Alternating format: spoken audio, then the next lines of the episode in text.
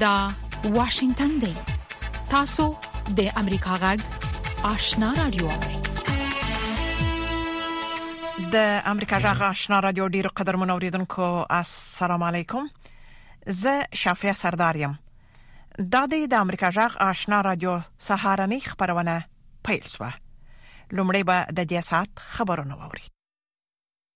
ویان سید سلیمان شاه ملګری ملتونه وایي چې ساکال د مارچ د میاشتې پورې د نړیوالو خیریه مؤسساتو لخوا په افغانستان کې شاوخوا 13 میلیونه محتاج خلکو ته ډول ډول مرستې رسول شوې دي چې په دې جمله کې یو لک څلور او زره له بهر نه راستانه شوی افغانان او شپږ شپېته زره خلک چې د سیلابونو او خراب موسم لامل مالی او ځاني تاوان اوښتیو شامل دي ملګری ملتونه وایي چې پر روان میلادي کال کې 3.4 میلیارډ ډالر یې پکار دي د ملګرو ملتونو د مامورانو په وینا د ډیرو بدو اقتصادي ستونزو ترڅنګ د بنیادي خدماتو د اخلالېدو په وجه هم خلک له کړهونو سره مخامخ شوي دي له بلې خوا په افغانستان کې د آبادۍ د پروژو د څار لپاره د امریکا د حکومت ځانګړی دفتر سیګار په خپل یو ریپورت کې وایي چې د 2020 میلادي کال په دوران کې د بشري مرستو په غرض 2.0 میلیارډ ډالر ځانګړي شي چې د خیریه مؤسساتو لخوا مصرف شوي دي او په روان میلادي کال کې د مارچ تر پایه پورې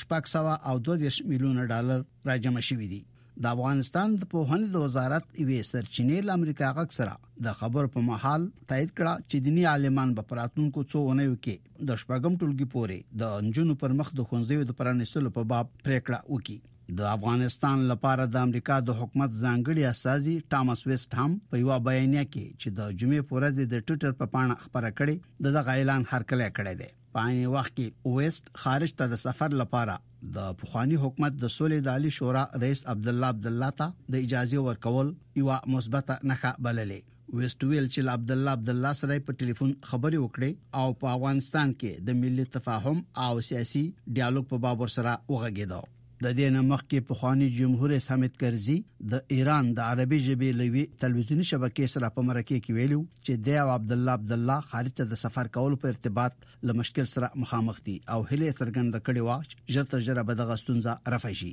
کرزي ویلي دي چې د په داخل کې په آزاد سفر کول شي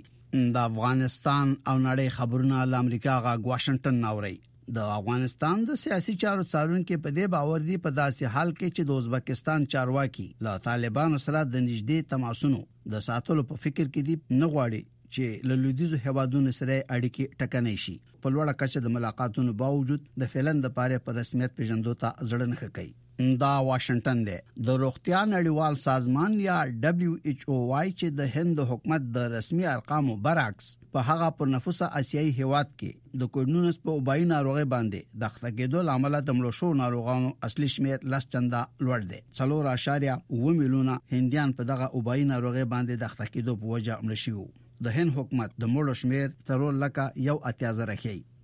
په عین وخت کې په داسې حال کې چې متحده ایالات اوس د کووډ 19 وبایي ویروس په نوي فیز یا پړاو کې داخل شوی دی جمهور رئیس جو بایډن په پام کې لري چې بل ونی د نړۍ د یو شمېر هوادونو سرمشري زغونډه راوبلی او په دې اړه به ورسره په تفصیل وغږیږي د امریکا غږ د سپینې ماڼۍ خبريال پارتي ویډا کاسوارا په خپل رپورت کې وایي ښاغلی بایدن کووډ 19 د پاندیمیک د مخنیوي لپاره د اقداماتو په لټه کې دی خو نه غواړي چې له کانګرس نه اضافي پیسې وغواړي پر یوکران باندې سکهال د فروری په څلورشتمه د روسي ځواکونو د يرغل راهیسي په هغه جنگ ځپلي اروپאי هیواد کې لږ تر لږه دریش خبريالان او د مطبوعاتو کارکونکي وژل شوي دي د ژورنالیستانو د خوندیتوب کمیټې یا سی پی جی د غوای په 15مه رپورت ورکړ چې په دې جمله کې وکسا هغه مسلکي ژورنالیستان هم شامل دي چې د خپل دندې د اجرا کولو په مهال د جنگ په میدان کې وژل شو د یوکران چارواکي د نړیوال جنایي محکمې د ماهرانو په مرسته د یوشتمې پیړۍ د پرمختللې ټکنالوژۍ نه په استفاده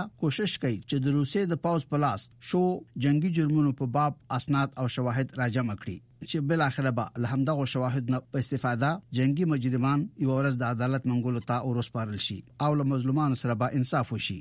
د دویم نړیوال جنگ په زمانه کې د هولوکاست یا د نازي آلمان لخوا په ډلهییزه توګه د یهودو د وژلو باب د روسیې او اسرایل ترمنځ ډیپلوماټیکي لانجه سخته شوې ده مسکو په روان هفته کې اسرایل چارواکي په اصطلاح د یوکران د نوي نازي رژیم په ملاتړ تورن کړ او د روسیې د بهرنیو چارو وزیر سرګي لاوروف اشاره تن ویلو کې دی چې د یوکران يهودي نسبه جمهور رئیس اولودومایر زيلنسکي په څیر يهوديان په هولوکاست کې ککړوي د اسرایل حکومت د روسي د بهرنی چارو د وزیر دغه څرګندونو په جواب کې سخت عکس العمل وښوده لبل خو له بیت المقدس نه د امریکا غ خبرياله لیندا ګریسټن خبر ورکړي چې د یوکرين د جنگ له پیل نه تر اوسه پورې شاوخوا 1500 د پاخه عمر یوکرایني يهوديان چې د دویم نړیوال جنگ په زمانہ کې له هولوکاست نه ژوندۍ بچیو د جنگ په وجه له خپل کورونو نه تښت ته اړ شوې دي د ملګرو ملتونو د یو تازه ریپورت لمخې په یوکران کې د جنگ له پیل نه څه د پاسه 15 میلیونه یوکراینیان گاونډیو هیوادونو ته اوښتي دي توقع ده چې بل اونۍ به په واشنگټن ډي سي کې د متحده ایالاتو او د جنوبي ختیځې اسیا د همکارۍ د سازمان یا آسیان د مشرانو سره مشريزه غونډه جوړه شي د جمعې په ورځ د کیوبا په پایتخت هوانا کې په یو پنځه پولیس هوټل کې د یوې زبردستې چاودنې لامل لږ تر لږه اته کسان وژل شوې دي او له ډیر شنه زیات زخمیان شوې دي ویل کېږي چې چاودنه د غاز د پایپ د سور کېدو په وجه باندې وشوه د هوټل ودانۍ تقریبا په بشپړه توګه باندې سوځېدلې ده له بلې خوا د امریکا د ویسکانسن د ایالت پولیسو ویلي دي چې د جمعې په ورځ د دغه ایالت د لیټل فالز ښارګوټي په یو کور کې د یو وحشي اور د لګیدو لامل څلور تنه کم کې ماشومان مړ شوي دي د اسټریټډ پریس خبري اژانس ریپورت ورکړي چې په دغه پیښه کې لماشومان سره تازي سپي چلوبي وسره کول هم وسوځیدل لټل فالس چې نفوس یې 1300 ته رسیدي د ایالتي مرکز ملواکی نه تقریبا 215 کیلومتر لري موقعیت لري د شاوخوا څونور کورونه هم خراب شوي دي د خبرونو پای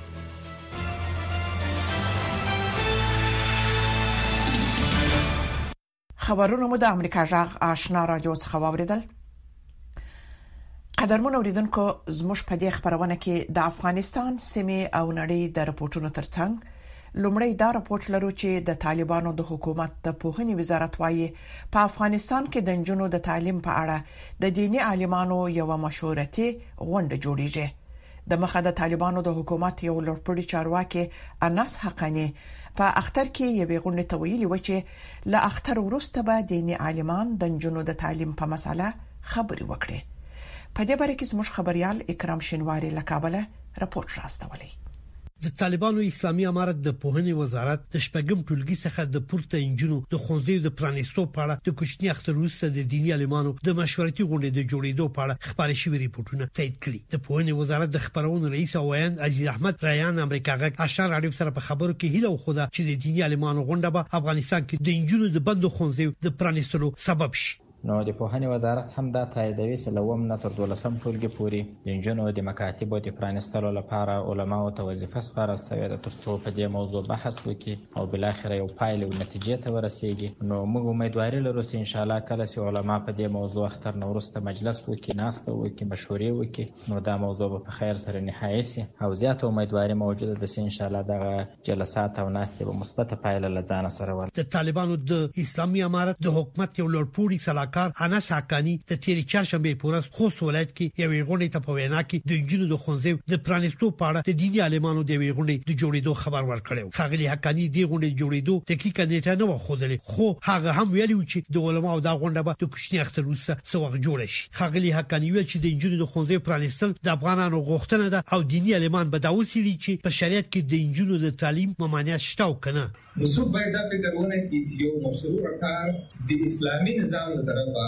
هغه بندېږي. د تېر دوه زره یوویشت میلادي کال د اګست په پنځلسمه افغانستان کې واک ته د طالبانو د بېرته رسېدو وروسته د شپږم ټولګي څخه پورته د انجونو ښوونځي تړل شوې دي سوال سو یو لمریز کال د حمل په دریمه د نوي تعلیمي کال په ورځ د تمه پر خلاف د طالبانو د پوهنې وزارت د نامعلومې مودې لپاره د شپږم ټولګي څخه پورته د انجونو د ښوونځي د بند پاتې کېدو اعلان وکړ چې د طالبانو د حکومت دا پریکړه د نو په بهر کې په نړیواله کچه د خبرګونون سره مخ شوې ده نړیوالې ټولنې افغانستان سره د خپل مرستې دوام په دغه هیواد کې د انجونو د خونځې د پرانستو او د خزو د حقوقو د خوندیتوب پورې تړلې دي د نن افغانستان کې هم یو شمېر سیاسي او دینی مشرانو سربېره د مدني ټولنې خزینه پالانو هم د غوښتنه د لارینونو او غونډو په ترڅ کې مطرح کړي یو شمېر انجونو امریکا غږ آشنا راډیو ته ویل چې د دینی عالمانو څخه غواړي چې د دوی د تعلیم حق چې د دوی پر وینا د نه میاشتو راهیسې ورڅخه اغستل شوی پرته له نور ځن دوی ته ورکړي ښوونځی نه باید له دې مودې زیات بند پاتې شي ځکه افغان ولس د دې ظلم د زغم توان نه لري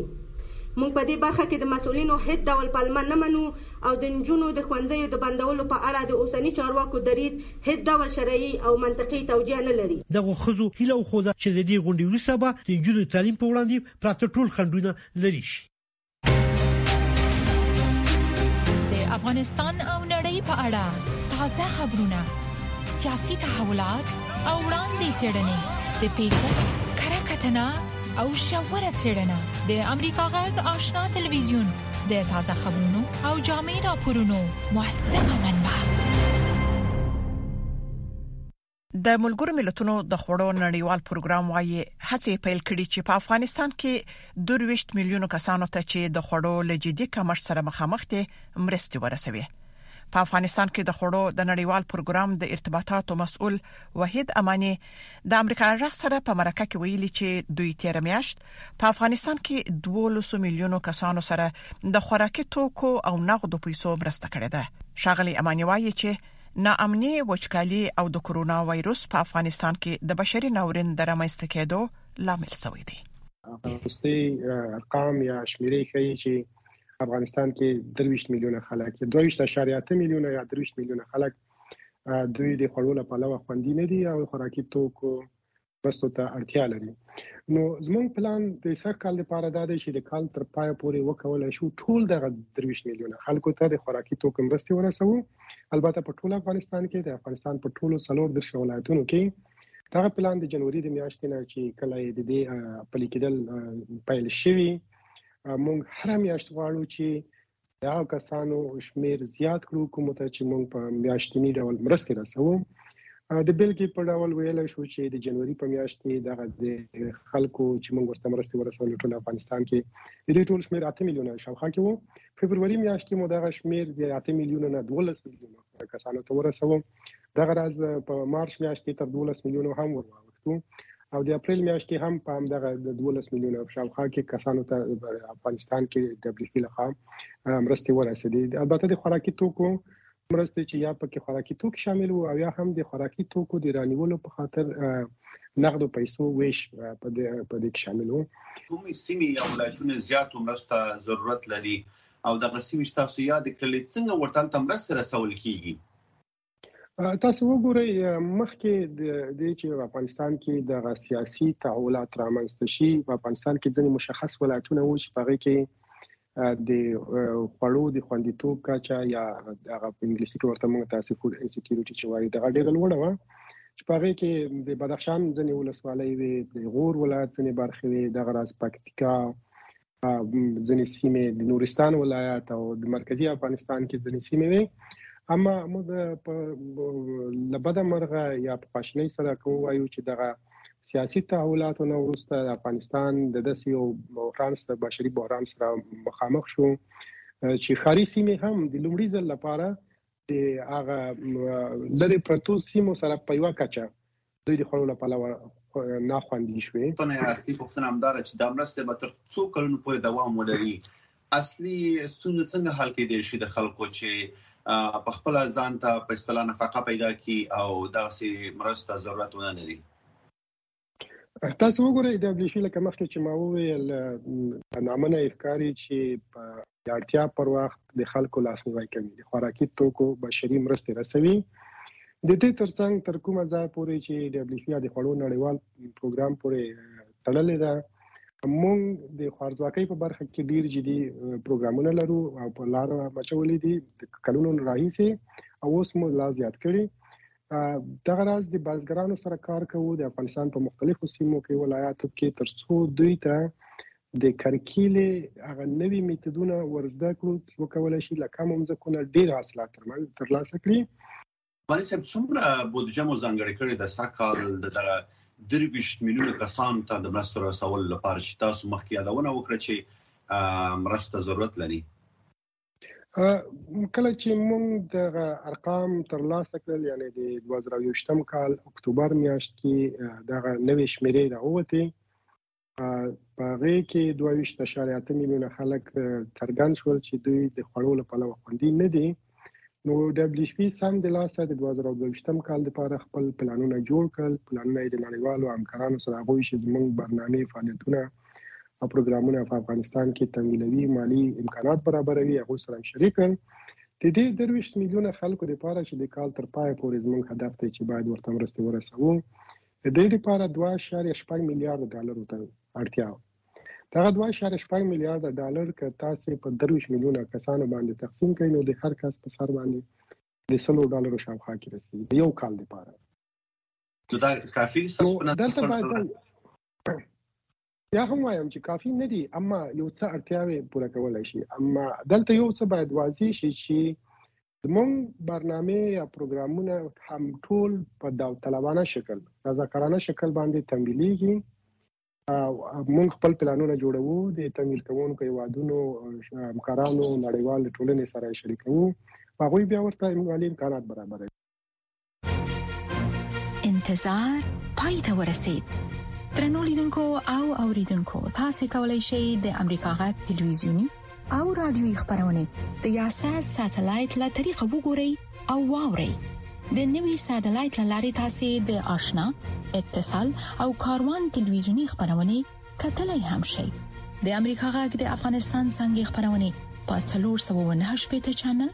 او د آشنا رادیوي خبرونه په 309 پټ چنل کې اوریدلای شئ لملتيامو د تل پشان مننه قدرمن اوریدونکو د پاکستان یو وتلی عالم مفتی تقی عثماني ویلي چې په افغانستان کې د جنونو په زده کړو د طالبانو بندیز دا معنی ورکوي چې ګوندی اسلام د شوزو خلاف دی کدا سوي نو پاکستانی عالمان افغان طالبان د شوزو د تعلیم او حقوقو منلو لپاره قانع کولای شي رپورت د شاهناز نفیس دی په افغانستان کې نږدې 213 ورځې وشوې چې انجونې د شپږم ټولګي نه بره زده کړې لپاره خونځي ته تللې نشي د پاکستان د مدرسو نه فارغ اکثره واکمن افغان طالبان د خزو د تعلیم او نورو حقوقو نه پرځای کولو لپاره بیلابیل دلیلونه ورکوي د پاکستان مذهبي عالمان څومره پوري افغان طالبان د خزو د تعلیم په لړ کې قانع کولای شي. جو پاکستاني مدارس کې جو اثرات هې. ګوره طالبانو زیاتره دلته پاکستان کې مدرسو کې سبقونه ویلي او د پاکستاني عالمانو په هغوی اثر شته نو پکار ده د مفتي تقي عثماني، جامعي حقانیه او مدرسه رشید په څیر او نورو ته په کار دي چې رامخې ته شي او طالبانو ته ووايي چې د ټولنې دا لويه برخه يعنې ښځې د ټولنې فعاله غړې جوړې کړي. د پاکستان يو وتلي مذهبي عالم مفتي تقي عثماني څو ورځې وړاندې د طالبانو مشر ملا هيبت الله ته په يو ليک کې ويلي وو چې د ښځو د تعليم لپاره دې طالبان ګامونه واخلي. نوموړي زياته کړه چې دا تاثر ختمول پکار دی چې ګوندې اسلام د ښځو خلاف دی. هغوی ته ډاکټره پکار ده هغوی ته استاد معلم پکار ده هغوی ته انجنیر پکار ده هغوی ته یو مور پکار ده هغوی ته د افغانستان د مستقبل حواله سره ماهرین نفسیات پکار دي هغوی ته یو سرجنه پکار ده دا داسې نه وي نو خزي التنه بیماری خزو ته تعلیم ضرورت نشته دی ښځو ته د صحت د علاج معالجې د منډې تړې ضرورت نشته دی د افغانستان یو غټ کونډۍ یو غټه حصه د ښځو باندې ماشومانو جنکۍ باندې دا مشتمله نه ده نو کله چې دا پوره حصه موږ معطل کو نو معنا دا دی چې ته ګاډی په یو ټیر چلې یا په دوه ټیرو ټیرونو چلوي یا رکشه ته په دوه ټیرونو چلایې چې لږ وخت لپاره به وچلیږي خو ته همیشه لپاره په یو ټیر باندې سایکل نشي چلولی. افغانستان د څېرمه د پاکستان د پښتنو په سیمو کې هم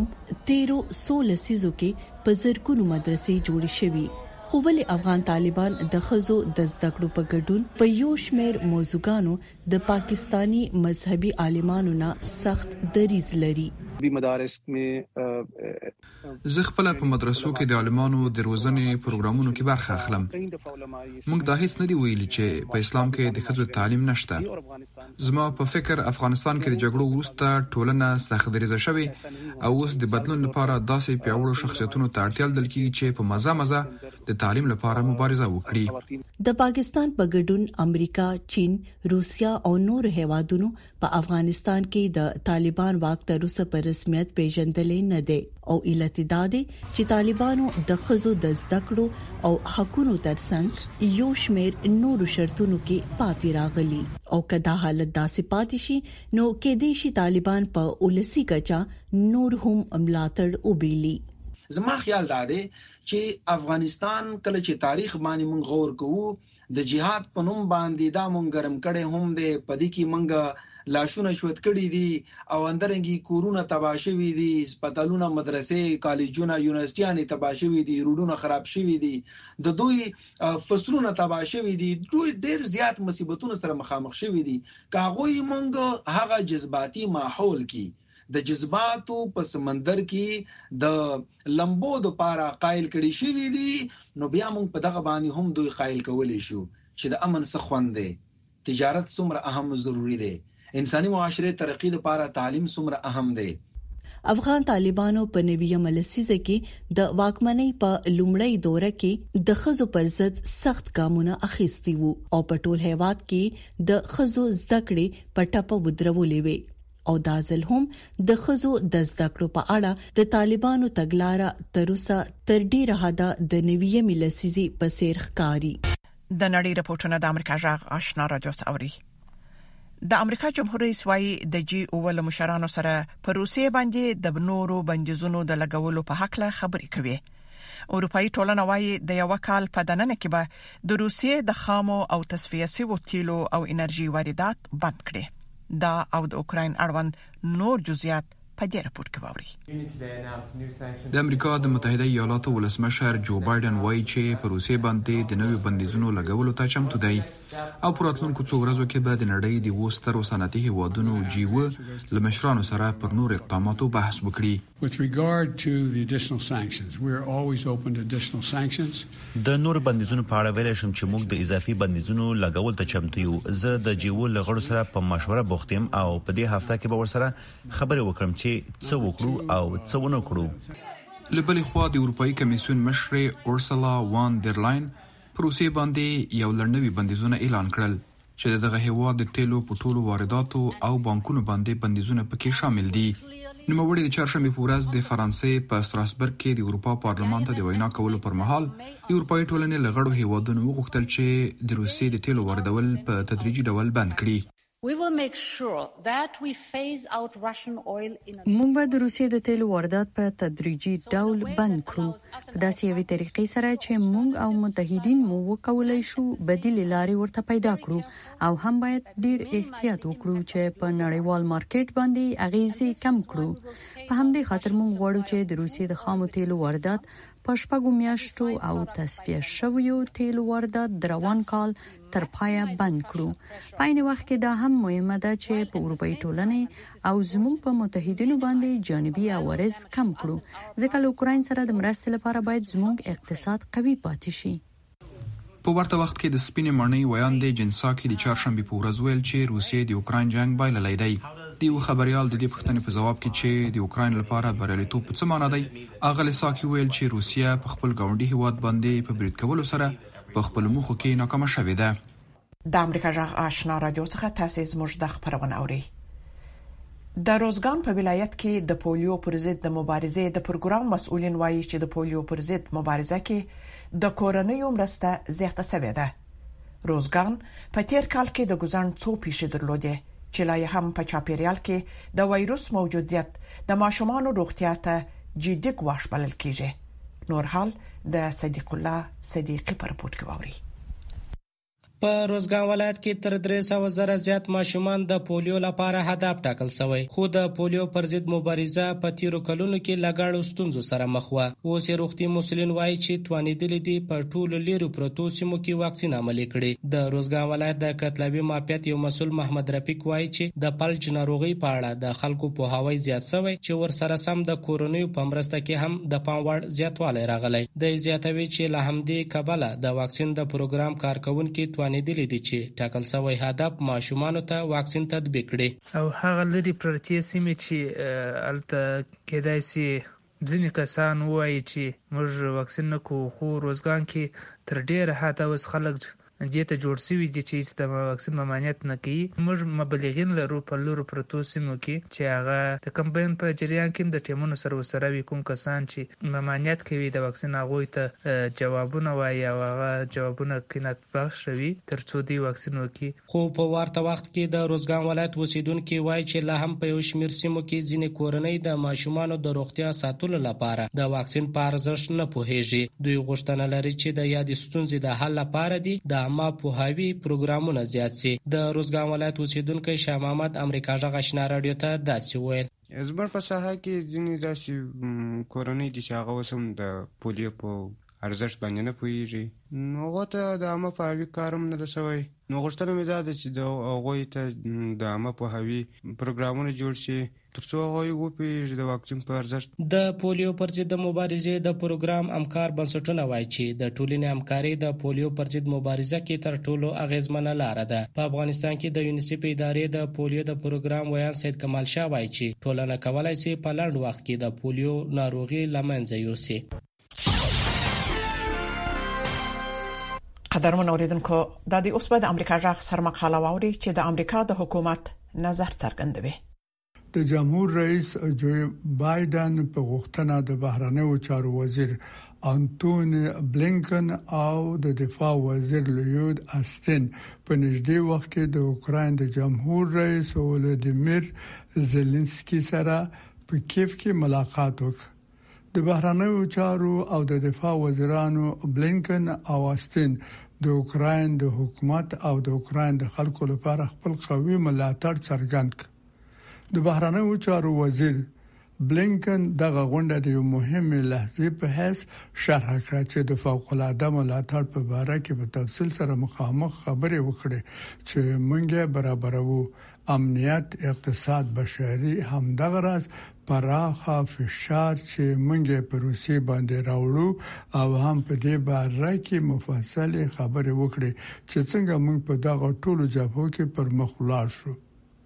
د اوکراین سره د امریکا د ژمنې یوه برخه پر مخ روانه ده چې اوکراین ته د امریکا د نوي سفیر په شمول دغه هیواد ته د امریکایي ډیپلوماټانو زر استول دي اوکراین د روسي د يرغل په خلاف په خپل جنگ کې د پام وړ بری درلود د بهرنیو چارو وزیر بلینکن ویل په عین وخت کې دا هم رښتیا ده چې روسیا کوشش کوي د هیواد ځینې برخې ذلیل کړي او داسې وژل او تباہي کوي چې مونږ وینو ډارون کې دي مګر اوکراین مقاومت کوي دوی قوي مقاومت کوي او دوی په هغه ملاتړ سره کوي چې مونږ په قطعي توګه له درست نړۍ نه منسجم کړي دي بهرنیو چارو وزیر بلینکن وویل، په حقیقت کې کله چې دا د روسیې د جنګي جنایتونو سره ارتباط پیدا کوي، روسیه ناکامه کیږي او اوکراین کامیابه کیږي. روسیې غوښتل د خپل اصلي هدف په حیث بشپړ اوکراین فتح کړي، چې ملي حاکمیت ورنه واخلي، خپله ازادي ورنه واخلي. دا کار ناکام شو. روسیې غوښتل چې د خپل پوځ او د خپل اقتصاد قوت ښکاره کړي، البته موږ یې مخالفه خوا وینو، پوځ یې په ډراماتیکه توګه پوره اجراات نه کوي، د بندیزونو د نتیجې په حیث، له روسیې نه له ډله ییزو وتلو د نتیجې په حیث یې اقتصاد کمزوری شوی دی او د روسیې حکومت غوښتل چې لویدیځ او ناټو سره وویشي او بې اتفاقه یې کړي، البته موږ یې کټ مټ مخالفه خوا وینو. د بهرنیو چارو وزیر بلینکن وویل، بیخې دا دی، موږ نه پوهیږو چې باقي پاتې جنګ به څنګه څرګند شي، مګر موږ په دې پوهیږو چې خپلواک او ازاد اوکراین به په صحنه باندې د روسیې د جمهور رئیس ولادیمیر پوتین په نسبت د ډیر اوږد وخت لپاره وي او د اوکراین لپاره زموږ ملاتړ به دوام لري. دا به تر هغه وخته پورې دوام لري ترڅو چې موږ اخري کامیابي ووینو.